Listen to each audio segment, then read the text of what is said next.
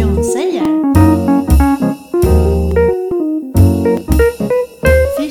säger.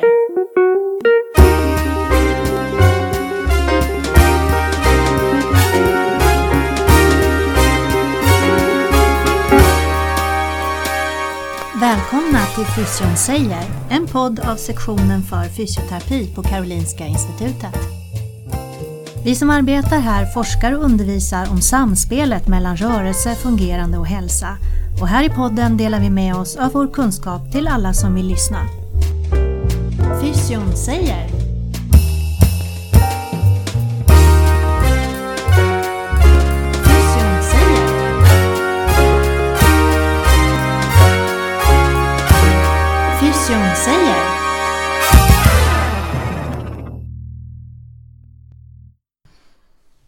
Välkommen till podden. Mitt namn är Wim Groten och jag jobbar som lektor och docent vid sektionen för fysioterapi.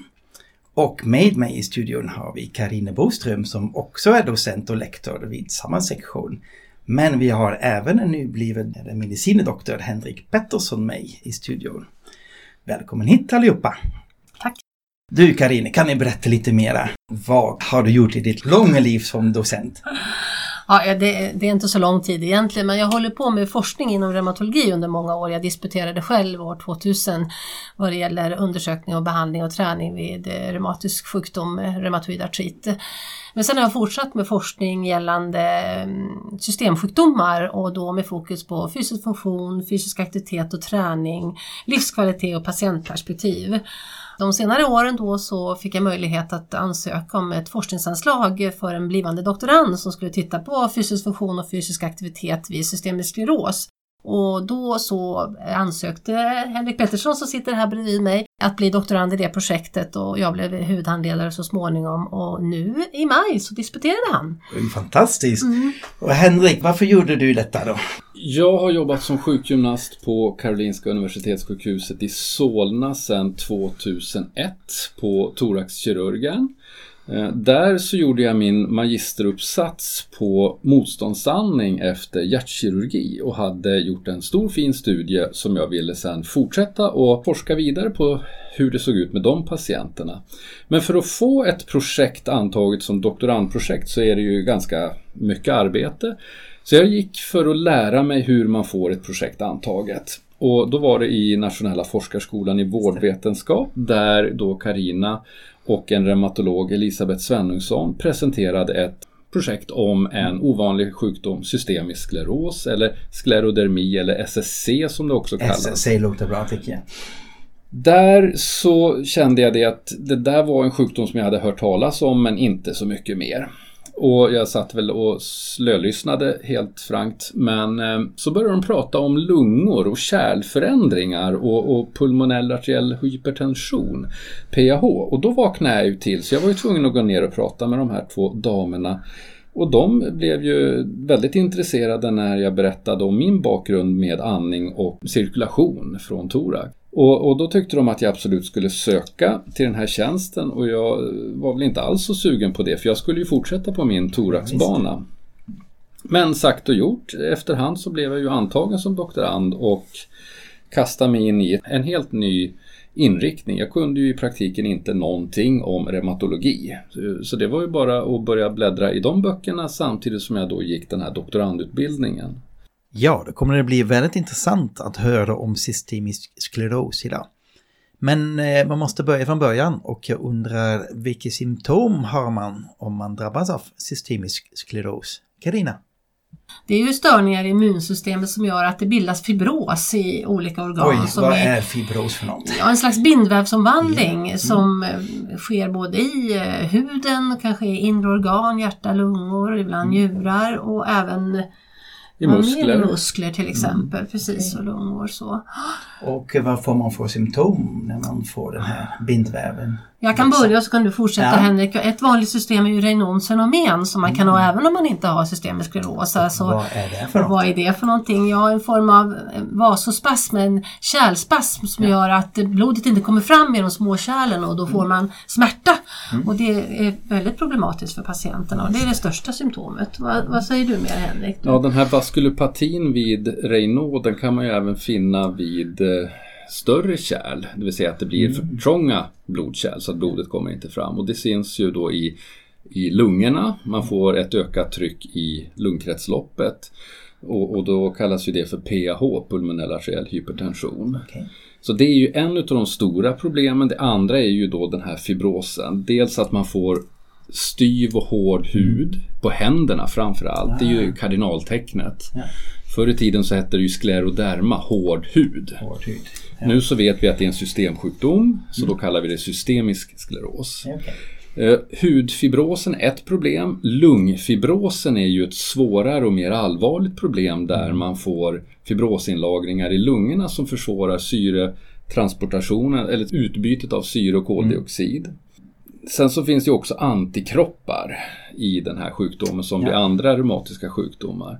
Och utifrån vad man har för antikropp så kan man grovt skissa fram vilken utveckling det blir på sjukdomen. Om man får lungfibros som huvudproblem eller om man får PAH som huvudproblem eller om man kanske ska vara mer orolig för hur det blir med njurarna på sikt. Ja, just det. Så det är mycket systemsjukdomar. Jag tänkte om jag säger reumatiska besvär, då tänker jag på små leder och eh, eller stora leder också. Hur är det med ledrörligheten och ledens påverkan av den här sjukdomen? De får ju framförallt i händerna med eh, tanke på den här styva huden Ja. att man inte kan flektera eller extendera i fingrarna fullt ut. Och det påverkar ju på sikt också senor. Så att framförallt händerna. Eh, I vår forskning så har vi kunnat se att patienterna har ju också inskränkningar i skulder-arm-rörligheten. Inte så mycket som man kanske hade trott men ändå. Eh, Annan forskning har ju visat också att eh, fotlederna och vadmuskulaturen påverkar rörligheten. Ja. Så att det, det, är en, det är en dåligt beforskad sjukdom som har stora konsekvenser för en drabbad patientgrupp. Just jag Och till också att den brukar delas in i diffus och begränsad systemisk skleros beroende på hur omfattande hudengagemanget är. Och den begränsade varianten är kanske lindrigare även om de på sikt även kan få eh, lungproblematik som PAH, eller hur? Och sen är den, den diffusa, det är ju mer allvarlig då man får mer inre organengagemang och mer hudengagemang och då påverkas ju också lederna i större utsträckning och musklerna. Jag tänkte på eh, reumatiker, de eh, har ju väldigt mycket besvär eller smärta och en trötthet av inflammation. Är det samma i den här gruppen? Många har problem med smärta, både i händerna men även i muskler och leder. Det är ett stort problem för många patienter, inte alla. Men eh, fatig, den här tröttheten, är också ett väldigt stort problem som drabbar, inte alla, men väldigt många patienter. Det finns studier som visar att det och smärta, både fatigen och smärtan är ett av de största problemen för patienterna. Vi har hittat tillsammans att smärtan begränsar den fysiska kapaciteten att gå och springa och så vidare, påverkar fysisk aktivitet. Så smärt- smärtan är ju en stor del. Eh, Mm. Jag tänkte eh, fråga om eh, när drabbas man? Är det när upptäcks? Man föds med sjukdomen eller hur? Den upptäcks ju inte alltid Nej. så, så lätt och tidigt utan man kan ju ha haft den här Raynaud-problematiken, Ja. det vill säga att fingrarna blir vita och blå och kalla. Den kan man ha haft i många, många, många år och det är ett av de första tecknen Ja. ofta. Och sen så blir det lite svårare problem. Man kanske får sår på fingrarna som inte läker. Det kan ta tio veckor till exempel för Oj. fingrarna att läka. Man kanske blir lite andfådd. Och många av de här problemen börjar ju dyka upp lite allvarligare och lite mer när man börjar komma upp i 50-55 års Okej. åldern. Ja. Och då brukar man få sin diagnos. Men man har nog haft sjukdomen under en längre period. Inte alla som då kanske har ett snabbare förlopp där man blir snabbt sjuk och kan bli väldigt sjuk väldigt fort. Och då är det nästa fråga naturligtvis, det, vad ska man göra åt det här då? Och då tänker jag åt ena sidan eh, mediciner, kanske läkare, vad är läkarens roll? Men eftersom vi pratar här nu fysioterapi vill jag också veta vad kan fysioterapeuten göra? Om vi börjar med eh, de medicinska aspekterna så finns det ingen kurativ behandling. Man kan inte bota sjukdomen. Man kan behandla enskilda symptom. Många patienter har reflux. Då får man Omeprazol till exempel för, för att hålla nere magsyran. Ja. Man får medicin mot att den här lungfibrosen ska bli värre. Och man får också medel för sin PAH som sänker trycket och underlättar cirkulation och andning. När det gäller den sjukgymnastiska eller fysioterapeutiska aspekten så har jag ju kunnat visa att patienterna har en markant reducerad muskulär uthållighet. Mm. Och nu är ju jag av den tron att man kan träna. Mm. Man kan träna fastän man måste väl anpassa träningen. Och de som då är lindrigt sjuka, ja de kan träna på normal belastning, det vill säga som normalpopulationen. Det, det, har vi kunnat konstatera efter en State of the Art-artikel som vi gjorde med två brasilianska forskare här för några år sedan. Men när det gäller de som har en svår lungpåverkan, ja där finns det inte speciellt mycket evidens över hur mycket och vad patienterna tolererar. Men jag tror ju utifrån den erfarenheten jag har från gravt lungsjuka patienter under närmare 20 år att alla kan träna. Även om man har ett behov med syrgas så kan man träna. Men det gäller bara att hitta en lagom nivå. Mm. Ja, man kan ju säga att evidensen är under utveckling och precis mm. som Henrik säger så vet man att de som har en måttlig, eh, ingen eller måttlig lungengagemang, där kan man träna ungefär på måttlig intensitet i alla fall. Men det har nyligen utkommit en studie där man har tittat på högintensiv träning på de som har eh, cirkulationsproblematik och jämfört eh, armcykelträning i överväxt eh, i armarna mm. och eh, bencykelträning då och sett att cirkulationen i de mindre kärlen, mikrocirkulationen, ökar med hjälp av armcykelträning med högintensiv träning där man tränar 30 sekunder, vilar 30 sekunder och håller på så under en viss tid.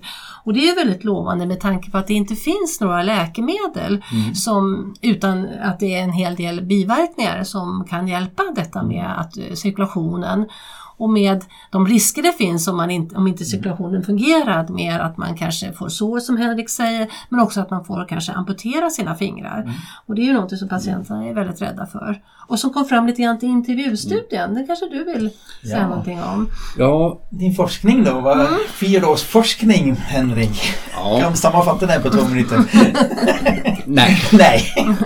Eh, I tredje delarbetet i det tredje delarbetet så ville vi ju ta reda på vad patienter med systemisk skleros har för upplevelser av fysisk aktivitet och träning. Och där så kom vi fram till att många utav dem uttryckte att det var väsentligt för livet och hälsan att vara fysiskt aktiv och att träna. Och det var till och med så att de sa det att det var viktigare än läkemedel. Mm. Därför att det är inte så att man har en massa negativa sidoeffekter utav fysisk aktivitet och träning som Nej. man kanske kan få utav läkemedel. Det kanske blir lite svettigt och trött men annars... Men det är också någonting som många sa att när jag har varit fysiskt aktiv och tränat och kände att nu har jag tagit i och jobbat. Och så klappade de sig på axeln och sa Bra, nu har du varit duktig. Mm. Och framförallt så, så kom det ju fram sådana positiva effekter som att cirkulationen upplevdes vara bättre både en och två dagar efter att de hade tränat. Det här är ju otroligt viktig kunskap att ta med sig till patienten när man pratar med dem om de positiva effekterna när man nu har problem med Raynaud's fenomen. De, kände, de här patienterna uttrycker ofta att de har en, en kyla inombords. Man är kall rakt igenom. Men den här kylan den försvann och de var varma längre. Och det är ju ett tecken på att cirkulationen har en, en eh, påverkan på det positiva både för, för livskvalitet och även för hur man orkar och klarar av andra aktiviteter. Mm. Så är det mest cirkulationsträning som ni är riktigt inne på eller är det även vanliga styrkeövningar? Med tanke på att de har en så nedsatt muskulär uthållighet så ska man ju naturligtvis också träna styrka.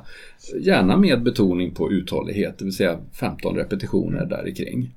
Men sen så ska man ju också träna konditionen så att man får både och. För att i delarbete 1 så kunde vi dra slutsatsen att det var väldigt många patienter som inte nådde upp till Socialstyrelsen eller WHOs rekommendationer om fysisk aktivitet och träning. Så att både kondition och styrka och uthållighet behöver tränas. Mm. Ja, vi har hört nu att fysisk aktivitet är väldigt bra men det kan naturligtvis vara olika faktorer som kan begränsa möjligheten till fysisk aktivitet och träning. Finns det några sådana faktorer? Ja, i ett av delarbetena så jämförde vi patienter med en ålders och könsmatchad kontrollgrupp.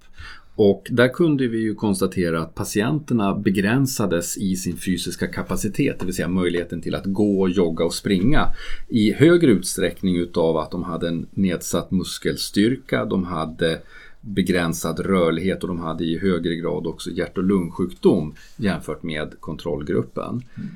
Det vi inte såg någon skillnad mellan grupperna även om både patienter och kontrollgruppen i hög utsträckning sa att nedsatt kondition och även smärta begränsade möjligheten till att vara fysiskt kap mm. fysiska kapaciteter. Men det var ingen skillnad mellan grupperna där.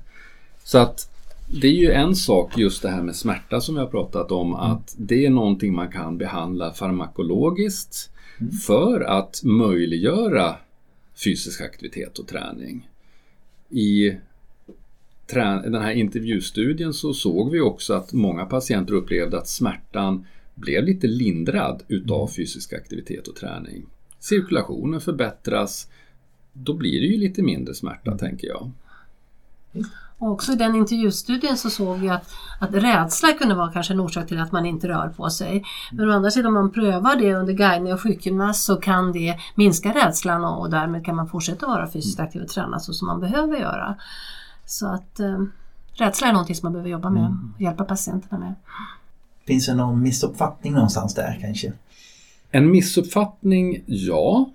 Därför att tidigare forskning har ju sagt på patienter med lungfibros och PAH. Det har ju sagt att man kanske inte riktigt ska träna för att det är ju så svåra sjukdomar och då säger ju läkarna till patienterna att oj oj oj, du är jättesjuk, ta det lugnt. Ja. I en av intervjuerna så var det en patient som beskrev hur hon på ett annat sjukhus hade fått rådet att vila. Så hon hade legat ner i ett halvår och det ledde ju till att hon i praktiken inte orkade gå runt huset. Oj. Nu var det här en person som hade klarat av att, tänka lite själv och hon insåg ju att det här var inte bra. Så att hon började med dagliga promenader och nu så tränar ju hon regelbundet och hon sa ju det att utan den här träningen så hade jag ju gått under. Mm. Viktig kunskap som kommer fram här. Kirini, vill du lägga till någonting?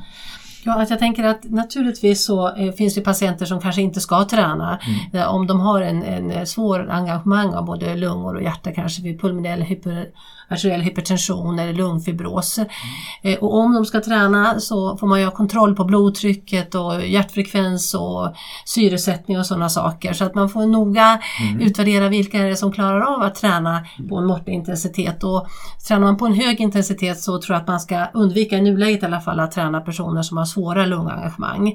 Tills vi vet mera mm. kring detta. Så du uppmanar att verkligen ha den träningen under övervakning, mm, att mm. ni monitorerar den? Mm. Absolut. På Karolinska så har vi en grupp för personer med systemisk skleros där vi mäter vitalparametrar både före, under och efter träningen när de till exempel då cyklar eller går på gåband. Mm. Och det här är ju personer som är ganska sjuka. Och hittills så har det ju verkat väldigt gynnsamt.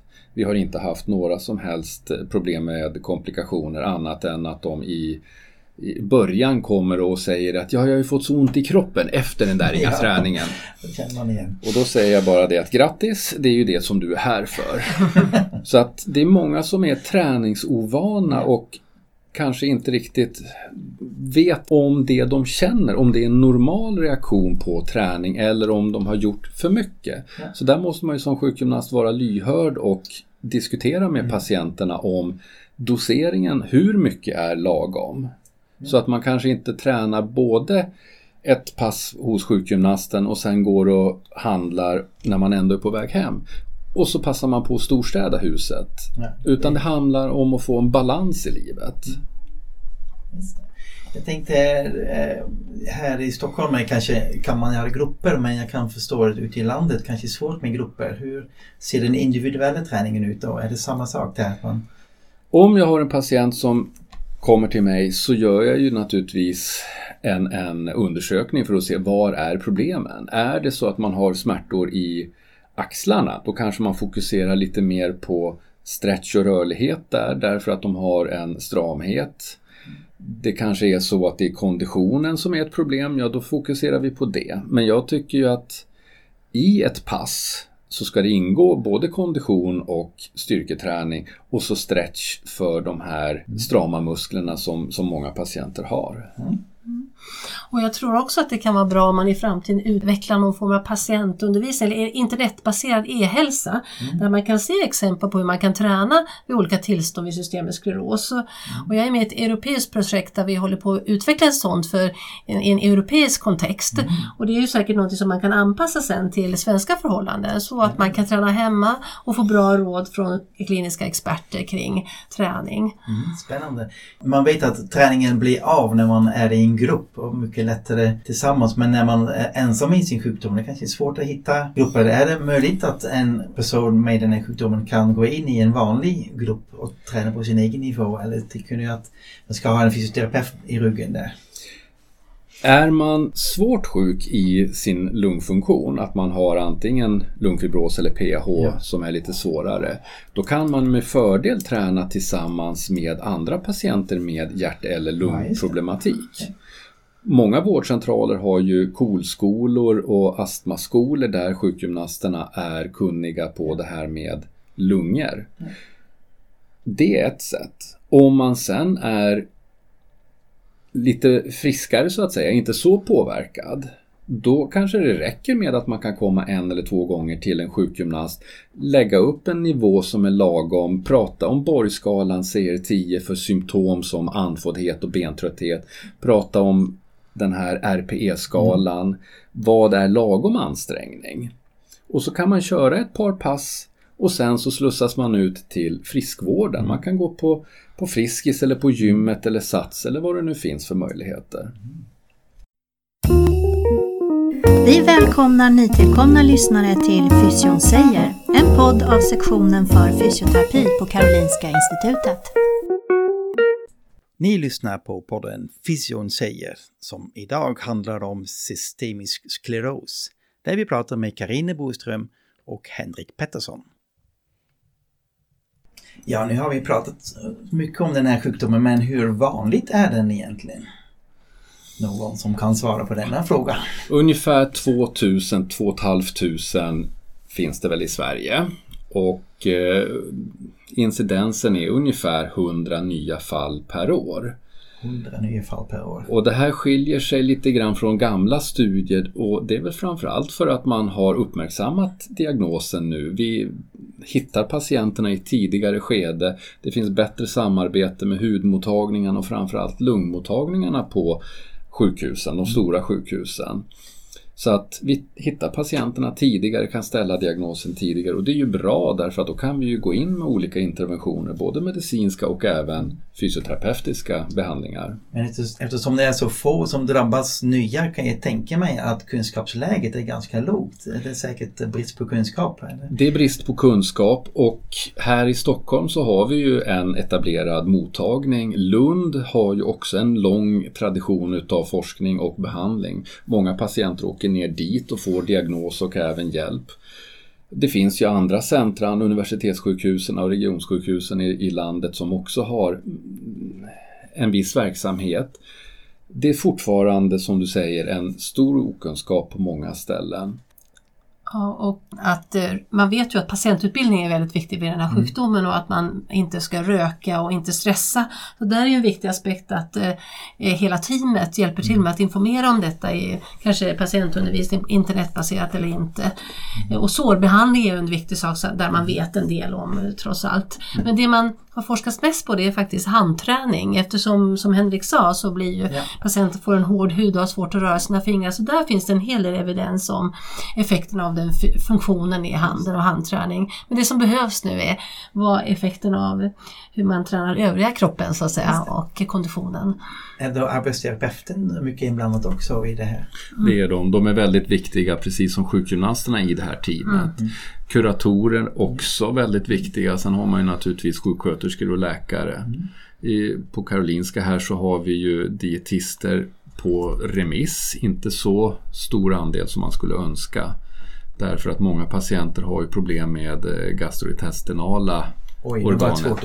Ja, mag-tarmkanalen. De har problem med, man kan lätt bli förstoppad, ja. man kan få problem med näringsupptaget mm. vilket ju är viktigt vid träning, att man får i sig den energin man behöver. Ja. Så det är egentligen den vanliga levnadsvanor som börjar spela väldigt stor roll i den här gruppen? Mm, absolut. Ja. Och, eh, jag tänkte fråga om, eh, du var inne på utbildning, det var patientutbildning men är det också eh, vårdutbildning, eller de som jobbar med dem? Hur lär de sig det här yrket att ta hand om den här gruppen? Av, är det bara trial and error eller är det, finns det speciella utbildningar? På fysioterapiprogrammet här på Karolinska institutet så ingår föreläsningar i reumatologi där man ofta brukar få träffa patienter med systemisk skleros eller några snarlika sjukdomar. Och man får ju också då ställa frågor till patienten och lyssna på patienternas ja. berättelser. Det är ett väldigt uppskattat inslag av både patienterna som får berätta om sin sjukdom och vara ambassadörer och även då de studenterna som kommer och är delaktiga i den här utbildningen. Jag tänker också att personalen åker ju på olika former av konferenser, bland annat Roima-dagarna ja. och då brukar man ju ofta ha systemisk skleros med som ett tema. Och så på så sätt får man ju en eh, livslångt lärande via konferenser. Men just nu pågår också inom JULAR, European League Against Reumatism, där man mm. har en online-skol för personal mm. inom reumatologin. Och det finns nu en modul som heter systemisk skleros som är precis riktad till hälso och sjukvårdspersonal. Där man ska lära sig mer om den här sjukdomen, hudengagemang, lungengagemang och vilken icke-farmakologisk behandling man kan ge. Så på sikt så kommer det finnas en eh, online-skol för personalen. Ja, vad bra. Och eh, patienterna, vad kan de lära sig olika saker? Samma sak, de har ju en organisation inom Jular som ja. heter Pare där de, där, där de på konferenserna lär av varandra men också via sådana här online-program som de kan mm. lära sig. Och i Sverige gissar jag att de har patientorganisationen. Vi har ju Riksföreningen för systemisk skleros som har funnits sedan ett par tre år tillbaka som är väldigt aktiva för att lyfta diagnosen både inom Reumatikerförbundet men även jobbar gentemot politiker för att få en jämlik vård i Sverige. För det skiljer sig ju som sagt mellan universitetscentra och landsbygden. Mm. Både i kompetens och tillgänglighet. Ja. Har du forskat färdigt eller ska du fortsätta med din forskning Henrik? Det är fyra år, en liten paus kanske och sen gå vidare? Man är ju aldrig färdig som forskare. Men aldrig färdig. Nej. Eh, jag är ju, har ju två publikationer som är mm. liksom klara. Sen så har vi den tredje delarbetet, intervjustudien, den är ju på granskning och vi går bara och väntar på besked från eh, mm. tidskriften. Det fjärde delarbetet är ett manus där vi fick intressanta synpunkter vid disputationen så vi kommer att jobba vidare med det. Eh, jag hoppas ju naturligtvis att jag ska kunna få fortsätta med min nya kompetens inom det här spännande området. Och eh, än så länge så har jag ingen postdoc klar men eh, målet, önskan vore väl att få forska vidare på något annat ställe med en annan forskargrupp för att ta del av deras erfarenheter och kompetens inom den här sjukdomen. Mm. Och Karina då, hur tänkte du fortsätta? Ja, vi har ju en plan om att vi kanske ska göra någonting gemensamt, Henrik och jag och en annan sjukgymnast som heter Helena Alexandersson och ett team i Lund. Där vi ska titta på muskelfunktion vid systemisk skleros och eventuellt myositinslag och eventuellt göra en träningsstudie också. Mm. Om du frågar mig vad jag ska göra kring ja. systemisk skleros just. Precis. Så att det, det, är där som, det är det du tänker på också yeah. Helena. Yeah. Så... För att vad är det egentligen den obesvarade frågan? Vad är det som ligger närmast i pipeline? Vad är det som är frågor som som har dykt upp nu när har forskat fyra år? Det brukar komma fram sådana nu. Ja, jag vill ju naturligtvis veta på vilken intensitet ja. och hur hårt kan jag driva mina patienter för att de ska bli starkare och uthålligare och få en bättre kondition. Ja. Då... Finns det några negativa aspekter som vi måste ha i åtanke när vi tränar de här patienterna? Det vore också intressant att utvärdera, titta på mikrocirkulation med någon form av laserdoppler eller titta på andra mera biologiska aspekter av träning. Mm. Så vi får väl se muskelbiopsi för att titta om det förekommer myosit och om det påverkas av träning och sådana saker. Så det är tankar vi har. Mm. Så helt på cellnivå även, mm. forskningen. Mm. Eftersom att patienterna uttryckte att cirkulationen påverkades så, så är det någonting som man kan kontrollera genom att ta en biopsi för att se kapillärtäthet till exempel. Eller just då med en doppler för att se hur flöden påverkas. Före, under och efter träning. Det finns många olika spännande spår att följa. Ja, intressant. Ja, vi börjar närma oss slutet av den här podden. Vi har lärt oss massor av olika saker. Men har du några välvalda slutord då, Karina? Ja, ehm, det som vi har gjort tillsammans, Henrik och jag bland annat och andra också, visar ju på att träning är viktigt vid systemisk skleros. Särskilt om med begränsad sjukdom vad det gäller hudengagemang men också begränsad eh, lungfunktionsengagemang. Där bör man träna som nästan vem som helst eh, för att förebygga följdsjukdomar och annat och öka sin kondition och minska rädslan för att fortsätta träna om man får skov av olika slag. Det här är en patientgrupp som är hårt drabbad. De bollas mellan många stolar. De har glädje utav fysisk aktivitet och träning. Och som sjukgymnast eller fysioterapeut så tror jag inte man ska vara rädd för att träna. Utan att man ska använda sunt förnuft, fråga patienterna hur de tolererar träningen, mäta syremättnaden, saturationen, blodsaturationen. Kolla blodtryck, kolla pulsen, fråga dem om hur andfådd är du? Hur trött i benen är du och hur ansträngande är det? Och där kan man ju söka råd i FYSS mm. om man inte känner sig så speciellt hemma på den här typen av patientgrupper. Ja, det var fantastiska ord här nu på slutet så jag säger bara ett stort tack att ni kom idag. Tack Carina. Tack. Tack. Henrik. Tack, tack. Du har lyssnat till podden Fysion säger, en podd som sänds från sektionen för fysioterapi på Karolinska Institutet. Fysion säger